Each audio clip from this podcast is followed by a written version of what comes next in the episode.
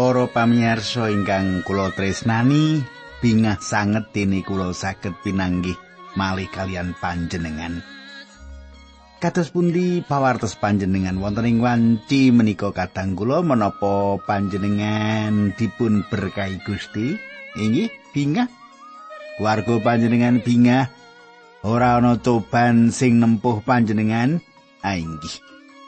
Pengajeng-ajeng kula panjenengan panji kados mekaten lan kula dongaaken panjenengan tansah kasinungono karahayun karaharjan wonten ing gesang panjenengan. Kadang kula kados padatan kula badhe ngancani panjenengan wonten ing salebetipun adicara margi utami. Adicara menika nderekaken panjenengan sinau kayektosan kitab suci urutan mekaten saking pasal-pasal saben kitab lan panjenengan kula aturi nyawisaken kitab suci panjenengan. Kanthi makaten panjenengan saged sesarengan kalian kula kados pundi pratelo pangandikanipun Gusti lan kados pundi kita saged sinau. Makaten kateng kula sugeng midhangetaken adi cara menika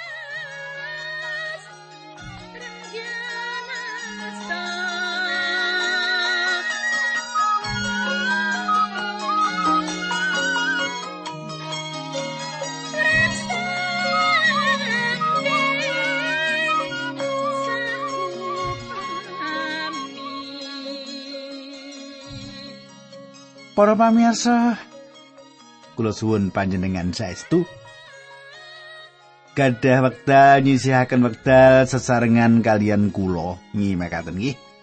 Kula ing pepanggihan kepengker panjenengan sampun kula dherekaken nyemak bilih kerajaan Israel sisih ler dipun beto dhateng pambucalan dening bangsa Asur. Dibucal dening bangsa Asyur. Gusti Allah nyukani tigang ngalsan ing menapa perkawis menika dumados. Inggih menika Israel mboten bangun turut dumateng Gusti Allah. Salajengipun bangsa Israel mboten pitados dumateng Gusti Allah, mangu-mangu dumateng Gusti Allah. Lan ingkang pungkasan bangsa Israel nantang Allah utawi lumawan dumateng Gusti Allah. Lajeng ing pepanggihan menika badhe menapa ingkang kita badhe sinau nanging saderengipun menika sae menawi kita ndedonga rumiyin. Duh Kanjeng Rama ingkang ada wonten kratoning kasuwargan kawula ngaturaken gunging panuwun. Menawi wekdal menika kawula saged tetunggilan kalian sederek-sederek kawula. Kawula nyuwun menawi ing wekdal menika wonten ingkang sakit duh pangeran kawula nyuwun paduka sarasaken. Kawula nyuwun berkah paduka menika lumuntur dhateng sanak katang kawula menika linambaran asmanipun Gusti kawula Yesus Kristus kawula tetunggal haleluya. Amin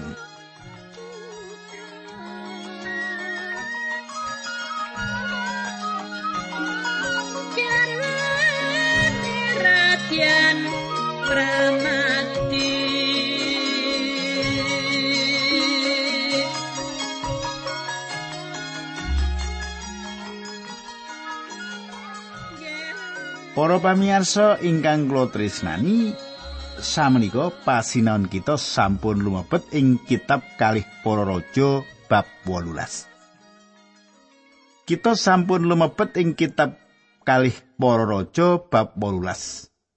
Samenika kita dumugi Hizkia, raja Yehuda. Kenging menapa Gusti Allah mboten ngintun Yehuda dhateng papan pambujalan? Jalaranipun inggih menika awet Yehuda gadah sawetawis raja ingkang sae lan gadah tanggal jawab. Raja Hizkia inggih menika salah satunggal raja menika. Raja ingkang sae lan raja ingkang gadah tanggal jawab. Sejatosipun Raja Hizkia inggih menika satunggalipun raja ingkang sae ingkang nyepeng pusaraning pemerintahaning tanah menika sasampunipun Raja Daud. Dados Hizkia menika kalebet raja ingkang sae sasampunipun Sang Prabu Daud. Cobi panjenengan sama ayat setunggal ngantos tiga. Nalika Hosea ben elak nggone jumeneng raja ing Israel nyandak telung taun, Hizkia bin Ahas wiwit jumeneng raja ing Yehuda. Nalika semono Hizkia yuswa selawe taun lan dedalem ing Yerusalem, nggone jumeneng raja suwene 29 taun, asmane ibune Abi putrani Sakaria. Raja Hizkia nglampahi dawuh lan gawe renane penggali Allah sing ditiru Raja Daud leluhuri. Kulo sigek sementen rumiyin. Para pamirsa, Ahas bapakipun Hizkia inggih menika satunggalipun raja ingkang awon. Nanging piyambakipun gadah lare ingkang sae. Lan menika mbuktekaken bilih ibuipun Hizkia satunggalipun wanita ingkang sae lan mursid. kadang kula ingkang kula tresnani dadi ora jamin nek bapake elek menika anake mesti elek. Nah niki wonten mriki gumantung ibuipun. Nek ibuipun mursid sregep nang gereja gitu. Pelayanan ora medhit karo gereja. Eh anake sapa ngerti bakal dadi wong sing luhur bebudene. Nggih. Nah kadang kula kula terusaken ayat sekawan. papan-papan panyembah brahala digempur kabeh. Tugu-tugune dewa-dewa dirubuhake lan reca-recane Dewi Asera diremuk ula tembaga sing digawe Musa lan kasebut Nehustan diremuk merga tekan wektu kuwi wong Israel padha ngobong menyan kanggo ngurmati ula tembaga mau. Tumugi mriki. Katang kula Hizkia inggih menika satunggalipun priyantun ingkang ngedapi-dapi. Piyambakipun mimpin bangsanipun ing salebetipun kebangunan rohani lan budidaya nyirnakaken reca-reca brahala ing tanah menika. Ayat menika nyebataken sawer tembaga ingkang dipun pancang dening Musa wonten ing Ora Samun. Panjenengan saged pirsani kitab Bilangan selikur ayat 1 ngantos 9. Menapa ingkang dumados kegayutan sawer ingkang dipun damel Musa menika? Sawer menika dipun simpen. Sampun tentu perkawis menika badhe dados satunggalipun pangimut-imut ingkang ngidapi-dapi lan dipun simpen ing salebetipun pedalaman Allah. Selajengipun ngantos dumugi titimangsanipun bangsa Israel manembah sawar tembaga menika. bangsa menika mboten nyawang sawer tembaga menika alandesan iman kados ingkang dipun tindakaken leluhuripun nanging malah sawer tembaga menika dipun sembah. Sawer menika sampun dados pepalang. Tiang-tiang menika sampun kecalan makna ingkang sayektosipun kekayutan kalian sawer tembaga menika. Sawer menika nuntun dumateng Sang Kristus manut Yohanes 3 ayat 18 ngantos 15 makaten meratelaken Nalika ana ing Ororo Samun Nabi Musa manjer ula tembaga ana ing kayu iya kaya mengkono putrane menungso bakal dipanjer ana ing kayu supaya saben wong sing percaya marang panjenengane ngalami urip sing sejati Sawer tembaga menika satunggalipun lambang ingkang dipun ganepi dening Sang Kristus. Tiang-tiang menika sampun ngucar ajir padha bangsa Israel sampun ngucar ajir padha wiwit manembah dumateng sawer menika lan boten manembah dumateng Gusti Allah.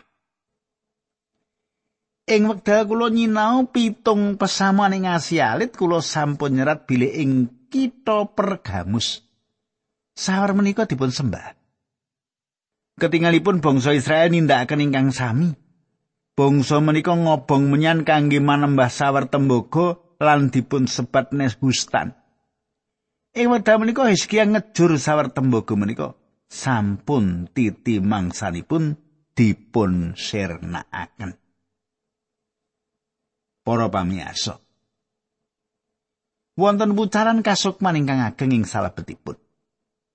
Wonten organisasi-organisasi mligi ingkang sampun dipun ginakaken Gusti Allah ing jaman kepengker.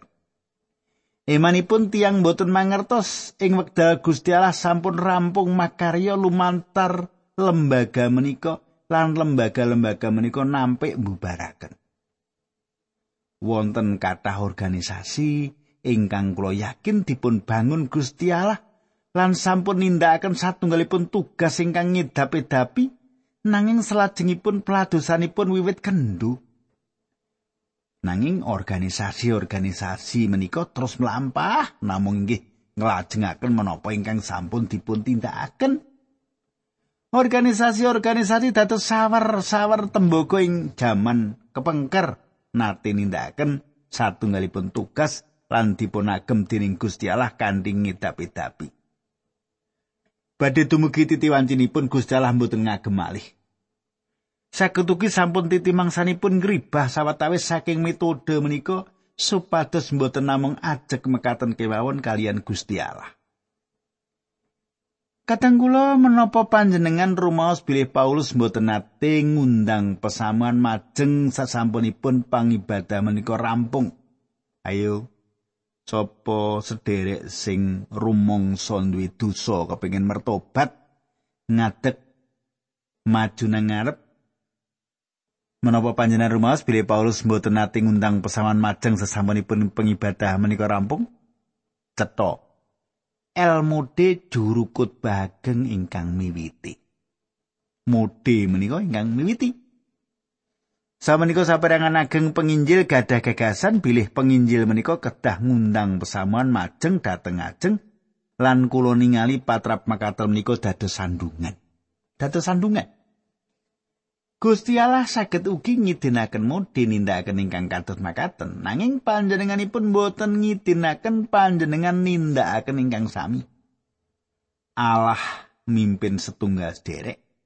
Nanging dereng tentu panjenengan makaten panjenengan mesti kemawon saged wiwit nindakaken pangibadah ingkang sederajat kalian pangibadah dumateng sawar tembogo lan ingkang dipun sebat minangka nehustan menawi panjenengan gadah reta brahala alit ingkang gumletak ing sakiwa tengen gereja utawi gesang panjenengan. Kula ngaturi pamrayogi supados nyirnakaken reca menika. Saketuki wonten sawetawis metode utawi sawetawis patrap ingkang panjenengan tindakaken lan samenika kedah dipun ewahi. Nek ora ngene ora, nggih. Wis dhisik yo ngene kok. Saiki aja beda, engko ora apik, walat gitu. Wah, sangger wong wis ketekan ngoten niku wis angile ora karuan. Jak owah nyanggone maju niku angel. Lah wong wonten kok menika gereja mugi-mugi mboten gereja panjenengan. Para nem-neman niku kepengin ngangge gitar, kepengin ngangge band, ora eto kali wong tuwa-tuwa ora. Gereja ora nggo gedobragan gitu. Wah, busanane pemudane kabeh do melayu gitu. Nah kula lajengaken ayat gangsa ngantos 6. Ing antarane para raja ing Yehuda sing sadurunge utawa sing sawise ora ana sing kaya Hizkia. Panjenengane percaya marang pangeran Allah Israel lan setya marang panjenengani. Ora tau nglawan marang Allah, malah sakai dawi lantaran Musa ditetepi temenan. Para pamirsa, menawi mboten wonten tiang ingkang saged dipun bandingaken sasampunipun Hizkia mboten wonten satunggal tiang saderengipun piyambakipun pramila kita saged nyimpulaken bilih piyambakipun menika saestu-estu tiang ingkang ngidapi-dapi. Piyambakipun menika sebanding kalian Daud. Piyambakipun menika satunggalipun raja ageng ingkang dipun agem Gusti Allah kanthi ngidapi-dapi. Inggih menika Inggih menika sebabipun gesangipun saged kita waos sing tigang kitab ing perjanjian lami kalih para raja, kalih babat lan kitab Yesaya. Tigang kitab. Kula lajengaken ayat pitu wolu songo sepuluh. Makaten surasipun. Mulane Gusti Allah tangsa mitulungi Raja Hizkia lan apa sing ditandangi mesti oleh gawe. Raja Hizkia mbrontak nglawan Raja Asur ora gelem teluk. Raja Hizkia yo nelokake wong Filistin desa-desa sing cilik dhewe tekan kutha-kutha sing gedhe pisan dijarah raya. Semono uga Gaza lan wilayah kiwa tengeni. Nalika pemerintahane Raja Hizkia nyandak patang taun, kuwi taun kapitune pemerintahan Raja Sia Israel, Salmaneser Raja Asur ngepung kutha Samaria. Sawise dikepung telung taun lawase Samaria teluk, nalika semono Raja Hizkia nggone jumeneng raja ing Yehuda nyandak 6 taun lan Hosea jumenenge raja ing Samaria sangang taun. Para pamirsa, Hizkia satunggalipun raja ingkang kendel. Kabawah komandonipun Yehuda mbalela lumawan Asur lan ngawonaken tiang Filistin. Ing taun kaping 6 pemerintahan Sang Raja Hizkia, Salmaneser, Raja Asur ngelenggai Samaria. Kerajaan Siseler dipun kawonaken, Raja Hizkia wonten ing salebetipun kalenggahan ingkang awon. Ayat 11 ngantos 18. Bangsa Israel banjur ditawan lan diboyong dening Raja Asur menyang negarani. Wong Israel mau saperangan ana sing dipapanake ing kutha Hala, saperangan maneh ing sacedhake Kali Habur ing wilayah Gusan lan liyane ana ing kutha-kutha ing tanah Madai. Teluwe Samaria mau mergo wong Israel ora padha bangun turut marang pengiran. Alai padha nerak perjanjiane karo Gusti Allah lan nglanggar sakai perintah Musa abdini Allah. wong-wong mau ora padha ngrungokake lan ora nglakoni. Para pamirsa satunggalipun keterangan kegayutan karebutipun Israel. Ayat 13 18. Nalika pemerintahane Raja Hizkia nyandak 14 tahun, kutha-kutha ing Yehuda sing dikubengi benteng diserang lan direbut dening Sanherib, raja ing Asur. Hizkia ngutus utusan marang Sanherib sing nalika semono ana ing Lakis aturi, kula ngaken lepat pramila kula suwun serangan dateng kita-kita kula menika dipun kendeli menapa kemawon ingkang panjenengan pundhut badhe kula saosaken. Sanheri mangsuli yen Hizkia kudu mbayar denda awujud sloka 10.000 kg lan emas 1.000 kg. Hizkia mbudidaya supados lumawan dua tengah sur nanging boten kasil inggih awit saking menika piyambakipun kedah sasa bulu bekti glondong pengareng-areng nggih pacek dhuwur.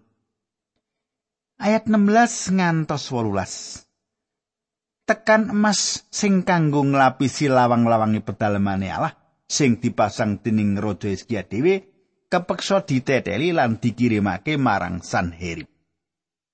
Nanging Raja Asur mau saka Lakis ngirim pasukan akeh dipimpin dening perwira telu kanggo nyerang Yerusalem. Satekaning kutha Yerusalem kono banjur padha mandek ing panggonan sing karan palemahane tukang tenun sacedhake karen sing ngilekake banyu saka blumbang dhuwur. Sanherin ngantem Yerusalem kanthi ngginakaken prajurit ingkang gunggungipun ageng kadang kula.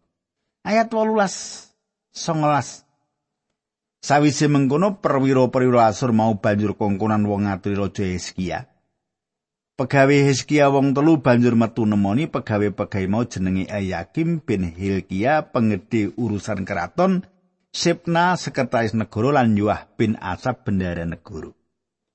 Ana jenderal Asur sing kandha karo wong telu mau mengkini pangandikane raja Asur iki kandhakno marang Hizkia yogene kowe rumangsa rusa. Kadang kula pegawe menika mbudidaya. Supados saged ngajri-ajri tiang-tiang menika kanthi nyukani pamrayogi kalih perkawis. Ayat kalih dosa ngantos likur. Apa kok kira tembung wae bisa ngrubah siasat lan kekuatane tentara. Sopo to sing kok ndelake, kok kowe nganti wani nglawan marang Asur? Kowe njagake pitulungane wong Mesir nang kowe rak padha karo nganggo teken glagah. Teken kuwi bakal tugel lan atoni tanganmu. Kaya mengkono kaanan sanyatane raja Mesir kanggo wong sing njagake pitulungi. Kadang kula mangertos bilih Hizkia gadah pengajeng-ajeng pikantuk bantuan saking Mesir, Pegawe menika ngolok-olok Mesir kados dene pring ingkang sampun pepes ingkang badhe mbobol lan nunjem tangan kangge tiyang ingkang ngajeng-ajeng Mesir. Piyambakipun sanjang kowe kabeh ora bakal ituk bantuan apa wae saka Mesir. Samenika piyambakipun budidaya nyerang kanthi panyeran ingkang kaping kali. Ayat kali likur. Perwira asur mau kondo meneh bisa uga kowe padha njagake pitulungane pangeran Allahmu. Nalika Hizkia dawuh supaya wong Yehuda lan Yerusalem ngemungno manembah ing ngarepe mesbeng Yerusalem, Apa sing dirusak kuwi dudu papan-papan sing kanggo nyembah marang Allah dhewe? Para pamirsa, ing wekdal Hizkia ngebrukaken gumuk-gumuk pangorbanan ing papan-papan ingkang inggil. Sanherib nganggep bilih Hizkia sawek ngebrukaken mesbeh-mesbeh Gusti Allah ingkang gesang lan nyektos. Piyambakipun boten mangertos bilih Hizkia sawek resik ing tanah menika mesbeh-mesbeh kapir lan brahala-brahala dipun resiki. Lan menapa ingkang dipun tindakaken satunggalipun patrap mbangun turut lan sanes satunggalipun patrap ingkang nerak paugeran. Tiang Yahudi kedah manembah Gusti Allah wonten ing satunggal mesbeh inggih menika wonten ing Yerusalem Lan tiang Yahudi anggenipun manembah Allah namung ginakaken kanthi cara lumantar korban darah. Nanging nanging perkawis menika ketingal dening Sanherib kados-kados Hizkia sampun ngebruaken Gusti Allahipun ing wekdal piyambakipun sanget mbetahaken panjenenganipun. Ayat 33. Saiki aku atas asmane Raja Surwani Totoan yen kowe diwenehi jaran rong ewu kowe mesti ora duwe wongi sing bisa nunggangi. Kadang kula menika satunggalipun patrap ngremehaken lan pratelo banget ngremehaken atas kegiatan prajurit Yehuda. Ayat 6 Eliakim sip nalan yuah banjur kondo karo perwira mau Pak. Kula aturi ngendika mawi basa Aram kemawon kula sami ngertos sampun ngangge basa Ibrani. Mangke rakyat ingkang sami wonten ing tembok-tembok mindak sami mengertos. Kadang kula Tiang Yahudi bari sing tembok kita Yerusalem sinambi mirengaken menapa ingkang sawektu mados. Priyantun ingkang gadah pangkat inggiling Yehuda sanjang ngendika ngangge basa Aram dumateng kula sedaya kula saged mangertos. Pegawe ingkang sampun sepuh menika pancing ngruntuhaken moral para prajurit. Ayat 29 ngantos 3 dosa aja gelem diapusi sekia wong sing ora bisa mitulungi kowe. Aja ngrungokake pambuji Hizkia supaya kumandel marang Yehuwah. Aja kok kira Allah bisa mitulungi kowe utawa ngalang-alangi asur gempur kutamu. Kadang kula piyambakipun langsung ngancam penduduk ngosongaken pikiranipun kanthi propaganda. Ayat 3 dosa setunggal ngantos 3 dosa kali. Kowe aja ngrungokake Hizkia aku raja Asur perintah metu saka kutha lan pasrah. Mengko kowe bakal mangan woh anggur saka kebonmu dhewe lan mangan woh ara saka witmu dhewe sarta ngombe banyu saka sumurmu dhewe. Nganti kowe ndak boyong menyang negara manca sing memper karo negaramu dhewe. Ing kono ana kebon anggur sing metokake anggur kanggo kowe, ana sawah gandum sing ngasilake glepung kanggo panganmu. Ing kono akeh wit zaitun, lenga zaitun lan madu yen kowe nurut karo dawuhku, kowe bakal urip ora bakal mati. Aja ngatekake marang Hizkia, kowe mung diapusi supaya kowe ngandel yen arep ditulungi dening Allah. Kadang kula piyambakipun sawek budidaya mbujuk tiang Yahudi supados teluk. Piyambakipun bangsuli bilih sae Hizkia ugi Gusti Allah mboten saged mitulungi. Piyambakipun janji bilih gesangipun badhe dipun ayomi mung kanthi teluk. Ayat 3 dosa 3 ngantos 3 dosa gangsal. Apa ana dewa sing bisa nyelametake bangsane saka tanganku? Ana ing ngendi dewa-dewani tanah Hamat lan Arpat? Ana ing ngendi dewa-dewani Sefar Waim, Hinna lan Iwa? Apa ana dewa teka sing mitulungi Samaria? Endi ana dewa sing bisa ngluwari tanah saka tanganku? Mulane aja ngira yen Allah bakal mitulungi Yerusalem. Kadang kula kangge pegawi menika lampahan menika satunggalipun alasan ingkang cuntelan boten wonten jawabanipun.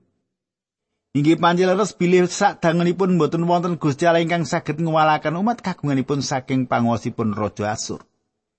Mesti kemawon piyambakipun boten mangertos bilih Allah-Allah saking negari-negari sanes dede Allah sawetawis Gusti Allah ingkang gesang inggih menika Gusti jagat raya. ayat 36 krungu tembung mengkono mau penduduk Yerusalem ora ana sing kumecap sebab raja Hizkia wis dawuh supaya padha meneng wae Para pamirsa menapa kemawon ingkang dados alasanipun? Mboten murukaken kemutan ing manah tiang-tiang ingkang mirengaken mboten wonten satunggal kemawon ingkang nyukani tanggapan. Kendel sedaya. Mboten wonten ingkang berkesan Nah kadang kula menapa malih ingkang badhe dipun pratelakaken ing kitab Kaih Raja-raja menika Samenika sampun pasal 18 mangke badhe kalajengaken pasal 19 tentunipun makaten nggih. Nah samenika monggo kita tumungkul kita ndedonga rumiyin.